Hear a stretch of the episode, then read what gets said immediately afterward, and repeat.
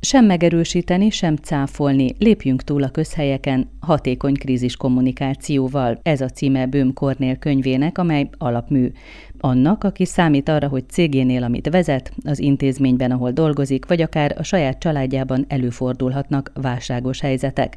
A magánéleti és a szervezeti krízis mind felbukkanásában, mind pedig kezelésében meglepően közel áll egymáshoz, írja Böhm Kornél. Sokat profitálhatunk hát az egyik területen szerzett tapasztalatainkból a másik szintéren is. Szóval átfogó könyvez, a kommunikációs tanácsadó szerzővel beszélgetünk róla. Ez nem egy tankönyv, amiből mondjuk a pláne a magánéleti kríziseknek a kezelésére egy ilyen biztos sorvezetőt kaphatna az ember, nem ez a célja, inkább egyfajta ráébresztés arra, hogy nem különbözik annyira az általunk elképzelt közélet, vagy a céges világ attól a fajta léttől, amit mi a magánéletünkben megélünk. Tehát igazából az én ambícióm az volt, hogy azt vegyük észre, hogy van egy nagyon szoros párhuzamosság, vagy egy szoros kötődés a kettő között. Azt sejtjük, meg a könyvéből is kiderül, hogy mondjuk megelőzni a kríziseket elég nehéz, rákészülni már talán könnyebb és hatásosabb is. Az más kérdés, hogy az élet majd mit produkál, de kíváncsi vagyok, hogy ez a krízis kommunikációs forgatókönyv, amiről ír,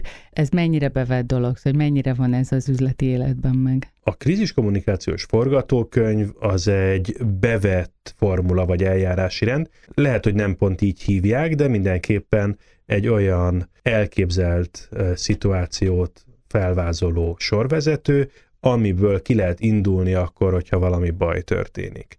Azt gondolom, és azt látom, hogy a nagy cégeknél, nagy szervezeteknél ez egy teljesen bevett dolog. Hozzá kell tenni, hogy nyilván ott, ahol van egy nagy világcég, anyacég tulajdonos, ahol ez már egy rutin eljárás, az mondjuk megköveteli a hazai szervezettől is. A KKV szektorban, tehát a kisebb cégeknél nem annyira elterjedt, vagy nyilván az egy vízválasztó dolog, hogy átesette már valamiféle krízisen ez az adott szervezet, vagy még előtte áll, vagy esetleg úgy tekint, hogy ő vele soha ilyen nem történhet, ez a gyakoribb eset. Ugye a biztosítók is ebből élnek, hogyha a magánéleti szférára kitekintünk. Tehát ahol ilyen még nem történt, és úgy gondolják, hogy nem is lesz, ott kisebb a készültség. Ahol már valamiféle gond történik, vagy valami olyan ügyet le kellett már küzdeni, aminek az esetén jó lett volna, ha van ilyen forgatókönyv, hogy nyilván nagyobb figyelem, meg nagyobb tudatosság övezi ezt a kérdést. Mondana példákat a legkisebb krízistől a legnagyobbik, mert ilyenkor mindig valaki valami komoly bedőlésre gondol. Ugye az, hogy egy krízis kicsie vagy nagy, annak a mérését vagy a megítélését nyilván az befolyásolja, hogy melyik oldalon állunk. Tehát, hogyha ha nézőként, vagy külső megfigyelőként, vagy, vagy a megítélését nyilván az befolyásolja, hogy melyik tűnik, miközben ha az ember belül van, vagy pedig tanácsadója egy nagyobb szervezetnek, akkor azt tapasztalja, hogy a látszólag kisebb horderejű ügyek is nagy hullámokat mozgatnak meg. Ha például kellett gondoljunk egy közösségi média beli kedvezőtlen bejegyzésre, egy ügyfélpanaszra, amit aztán felkap egy fogyasztóvédelmi blog például, aztán elkezdik ezt kitárgyalni, hozzáírják az olvasók a saját tapasztalataikat. Ez egy formailag kis ügyben, mondjuk egy, egy elégedetlen fogyasztónak a, az első panaszából kinőtt hát érzékelhető vagy nagyobb ügy.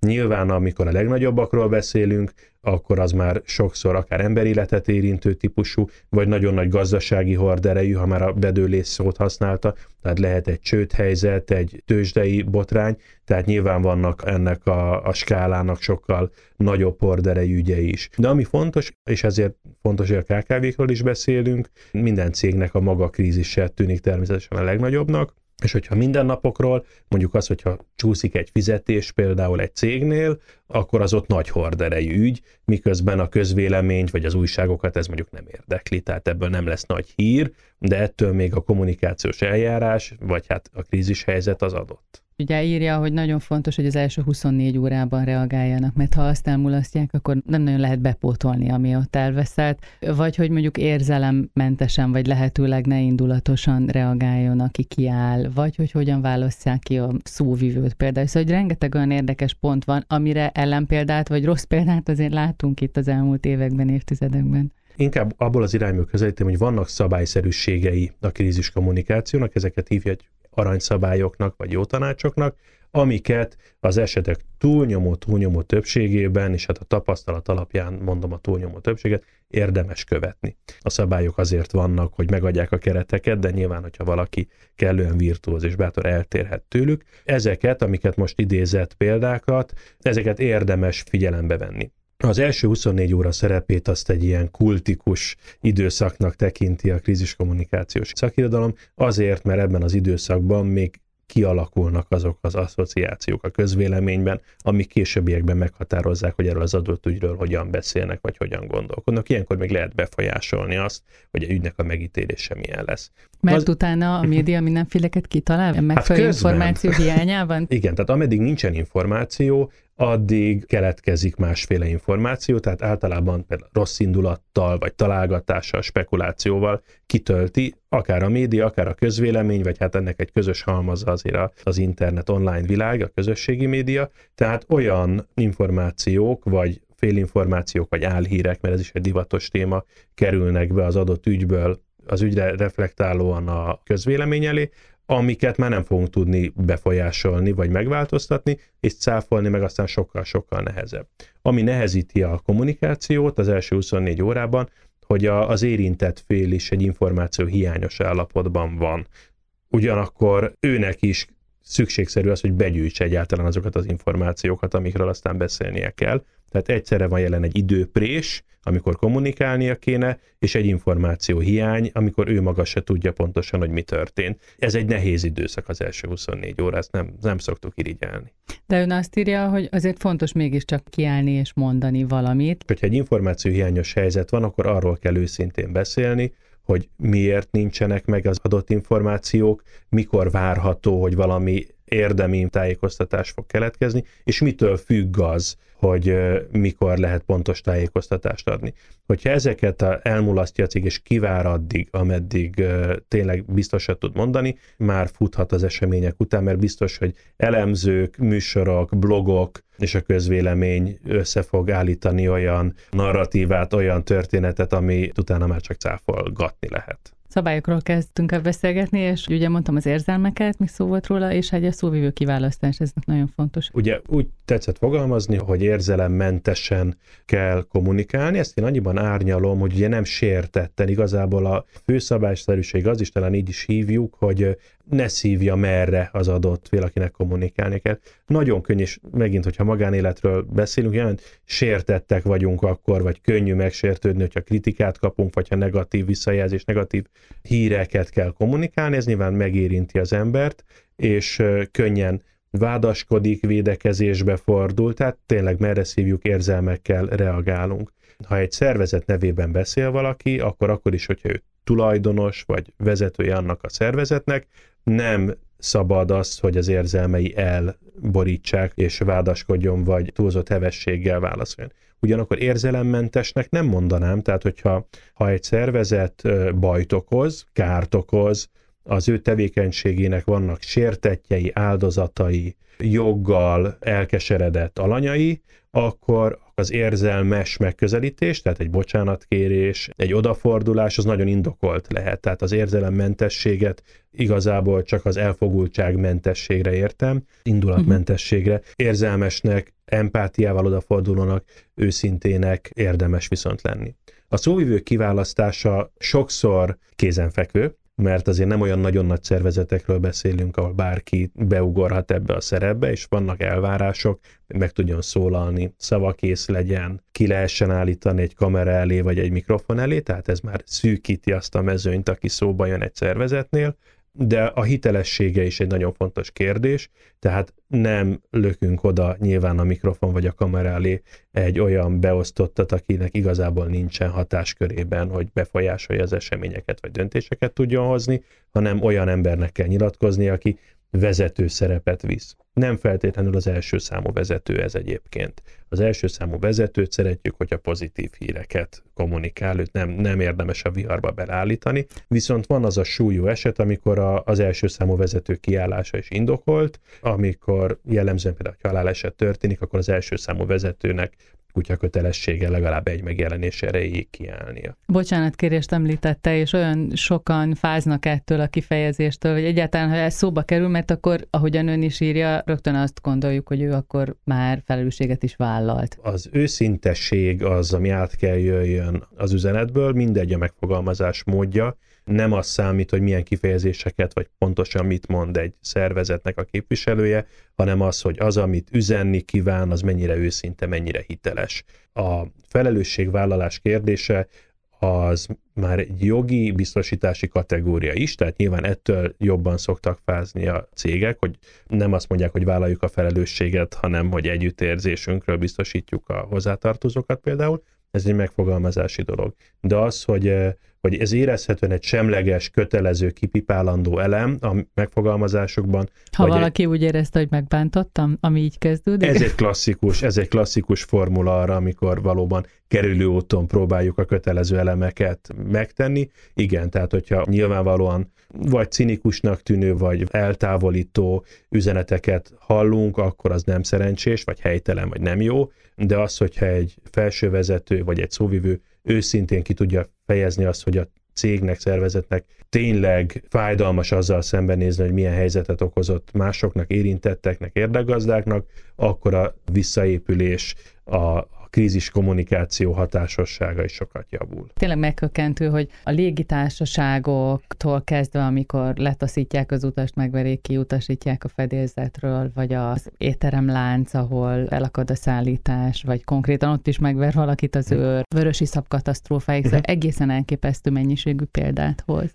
Nagyon sok krízis történik a mindennapokban. Ugye beszéltünk erről, hogy vannak köztük egészen kicsinyek is, én igyekszem ezeket is összegyűjteni és tárolom őket, tehát hogy, hogy sokféle példa van, és vannak ugye nagyobbak, amit mindenki fel tud idézni, például a vörösiszap, vagy ami egy nagy állatorvosi ló, ez egy külföldi eset, ugye a BP olajtársaságnak volt a mexikói öbölben egy olajkatasztrófa, és ott például egy elhíresült eset, egy rosszul sikerült bocsánatkérés, hogyha rossz példákat keresünk, ott ugye az akkori vezérigazgató úgy fejezte ki az együttérzését, hogy azt mondta, hogy neki a legrosszabb a helyzet, mert ő is vissza akarja kapni a nyugodt életét. Ugye miközben számos halálos áldozat volt, felfoghatatlan környezet és gazdasági kár keletkezett, és ugye a saját nyomoráról beszélt, hogy ő is a nyugodt kis életét szeretné visszakapni, ez például egy klasszikusan rossz megoldás. A vörösi katasztrófát szoktuk Magyarországon ilyen állatorvosi lóként kezelni. Az ottani helyzetben láthatóan nem volt felkészült a szervezet arra, hogy valaha is kommunikálnia kell. Nem is csak krízis kommunikációra gondolok, általában nyilvános külső kommunikációval láthatóan nem voltak felkészülve, és így aztán minden megszólalásuk, meg késleltetett megszólalásuk, hát rosszul sikerült, és nem sikerült a közvéleményben azt a érzetet kialakítani, hogy ők magát a krízist meg tudnák oldani, vagy élire tudnának állni. Amiket említett a, a gyorsételmi láncoknak a ilyen-olyan botrányai, akár kisebbek, akár nagyobbak, ugye ez oda megy vissza, hogy a helyzetet rosszul méri fel valaki, aki egy sokadrangú szereplője az adott szervezetnek, például egy biztonsági őr, aki ráadásul egy külső beszállítónak egy szintén külsős alkalmazottja, és rosszul mér fel egy helyzetet, visszaél a hatalmával, erőszakoskodik, és ez a tevékenység, ez ugye a brandre, a márkára hat kedvezőtlenül vissza. Tehát ha ennél a újságíró megverésnél maradunk egy pillanatra, ugye a gyors láncnak a képviselője azon az éjszakán nem is sejtette azt, hogy ez fog történni a, az ő üzletláncában. Tehát egy, magát a helyzetet, a krízist azt nem ők okozták, itt a gyors kezelés a másnapi észnél levés volt az, amit egyébként dicséretére írunk ennek a cégnek, hogy gyorsan csinálta, okosan csinálta, megfelelően csinálta. Azt mondta az elején, hogy ez nem tankönyv, de én azt érzem, hogy azért mégis olyan kis apró információkat is ad a könyvben, amit egy tapasztalt szakember is jó néven vehet. Tehát, hogy például amikor azt írja, hogy Elon Musk nem jutott azzal sokra, hogy adatokat hozott ellenérvként, azt szerintem sokan nem tudják. Tehát azt gondolni az ember, hogy a tények azok magukért beszélnek. Igen, de érdemes hogy tovább gondolni, mert a, a könyv már megjelent egy-két hónapja, de az Elon Musk még most is uh, belekeveredett ugye egy krízis kommunikációs helyzetbe, hogyha erre emlékeznek a, a hallgatók. Ugye a tájföldi barlang katasztrófánál ugye jelentkezett arra, hogy ő kimenti ezeket a, a srácokat a saját maga szerkezetével, és ugye ebből nem kért a mentőcsapat, akik egyébként hál' Istennek nagyon hatásosan és hatékonyan ki tudták hozni a focista fiúkat a barlangból, és ezt követően egy nyilatkozat háborúba keveredett bele az Elon Musk, aki ezek szerint egy hevesebb vérmérsékletű valaki, miközben azt gondolnánk, hogy egy felkészült stáb ilyenkor azért visszafogja az embernek a tweet üzeneteit és a kommunikációt, de hát néha azt látjuk, hogy sokan hevesen használják a Twittert. Ebben a konkrét ügyben, amit a, a könyvben említek, ugye itt a szemtelenség az, ami problematikus. Önmagában az, hogy számokkal vagy tényekkel érvel valaki, az nem gond. Nyilvánvalóan a mondani valójának az alátámasztására az egy lehetséges érvrendszer, hogyha egy haláleset történik, akkor arra viszont nem egy jó reakció az, hogy egyébként milyen sok esetben nem történt. De ez csak egy zárójeles információ, egyébként a könyv címeként az is felmerült, hogy sokan életben maradtak. Ez lett volna egy B verzió, de aztán végül ugye emellett döntöttünk a sem megerősíteni, sem cáfolni. Önmagában számokat hozni, adatokat hozni, az jó, az klassz. Nyilván, hogyha az ember érthetővé tudja tenni, hogy miért azt mondja, miért annyit mond, mi követhető marad az az információ mennyiség, amit közöl, de nem váltja ki azt, hogy mondjuk empatikusan forduljon oda a helyzethez, akkor, amikor az ő cége áldozatot követelt. Mert hogy ő azt találta mondani, hogy igaz, hogy meghalt valaki az ő autója miatt, de hogy mennyien meg nem. Ő ugye azzal érvelt, igen, tehát hogy nagyon nagy számú utazásból nem történt haláleset, és most történt, tehát eddig nagyon jól mentek a dolgok, ugye ez volt az érvelendszere, ami lehet oké, okay, de akkor is az érzelmes, vagy az őszinte odaforduló hozzáállást azt nem lehet megspórolni. Amit ír az alkalmazottakról, azt például szerintem egy nagyon fontos rész. Az embernek nem is jut eszébe, hogy azon túl, hogy valakit ki kell odaállítani, és folyamatosan a médiát kordában tartani, és közben a céget is menedzselni, valahogy ne álljon le, hogy még a, a dolgozók lelkére is kell vigyázni. Belső kommunikációnak hívjuk azt az elemet, vagy azt az eljárást, amikor a szervezeten belül akarunk információkat megosztani. Ez sok esetben elválik attól, amit a média felé, vagy a külső kommunikációban folytat egy szervezet, és hogyha belegondolunk abba, hogy mondjuk egy botrány, egy közvélemény zajló kellemetlen ügy, azért az nem él meg három napnál sokkal többet, ugye minden csoda három napig tart, plusz-minusz egy-kettő napot lehet, de a szervezetnek a dolgozói, azok biztos, hogy sokkal hosszabban emlékezni fognak erre, és sokakat meghatároz, ez egy identitásuk része lesz az, hogy abban az adott ügyben hogyan állt helyt a cég, hogyan bánt velük, tájékoztatta -e őket, ahogy ön fogalmaz, odafigyelte a lelki világukra, vagy nem. Tehát attól, hogy egy ügy kikopik a közvélemény elől, mert három nap után már nincs róla mit újat írni, a dolgozók, akik ugye legfontosabb részei a szervezetnek, ugye ők alkotják a szervezetet, ők végzik a munkát, az ő eredményük a forgalom és minden egyéb, az ő hozzáállásuk, vagy az ő megnyerésük, vagy az, hogy ők lojálisak maradjanak, empatikusak maradjanak, az egy nagyon fontos értéke a szervezetnek, akkor is, hogyha maga a címlapos rész már elmúlt. Hát meg, hogy bírják ki egy adóhivatal esetében is az ügyfélszolgálatost szídják. És hogyha végig gondoljuk, hogy egy ügyfélszolgálati munkatárs, akkor még csak nem is krízisekről beszélünk, hanem mindenkinek a, a napi ügyeiről, amikor felhívja, hogy nem működik az internet, és miért nem állítják vissza, vagy kikapcsolták az áramot, pedig ő befizette a csekket. Tehát ezek a fajta surlódások, ütközések, ezek van, akinek a napi munkavégzésének a, a része vagy ugye talán a könyvben is van a buszsofőr, akit az egész közlekedési vállalat működéséért ordítanak le az utasok, és kérik rajta számon. Ugye nyilvánvalóan ez nem az ő ügye, viszont ha megfelelő információ szintje van, és kellően lojális, akkor képes ezeket az ügyeket hát vagy eltávolítani magától, vagy normálisan kezelni, és nem érzi úgy, hogy megszégyenítették. Miért nem hangsúlyosabb a könyvében a politika? Benne van, de hogy ez egy másfajta krízis kommunikációt igényel? A politikát nagyon sokan elemzik. Nagyon sok olyan szakértő, egyébként jó szakértők vannak, akik a napi politikai eseményeket kommentálják és analizálják. Üzleti életben a hírnév problémákról talán kevesebb szó esik, kevésbé van fókuszban. Én azt gondoltam, hogy inkább ezen a területen szeretném bemutatni azt, hogy ez mennyire hasonlít ugye a kiindulástól számítva, tehát a magánélethez is. Én ezt próbáltam bemutatni. És egy másik aspektus, hogy a politikának a működése az egy picit más srófra jár. Azt gondolom, hogy sok olyan krízis van, vagy negatív hír, amik részei a játéknak, tehát szándékosan előidézett helyzetek, egyik fél, másik fél típusú adokkapok. Az üzleti életben ez sokkal kevésbé jellemző, tehát itt olyan krízisekről próbáltam én beszélni, meg írni, amelyeket az élet dob és az élet hoz, nem pedig egyfajta boszorkány konyhában kifőzik, hogy hogyan lehetne a másiknak befűteni.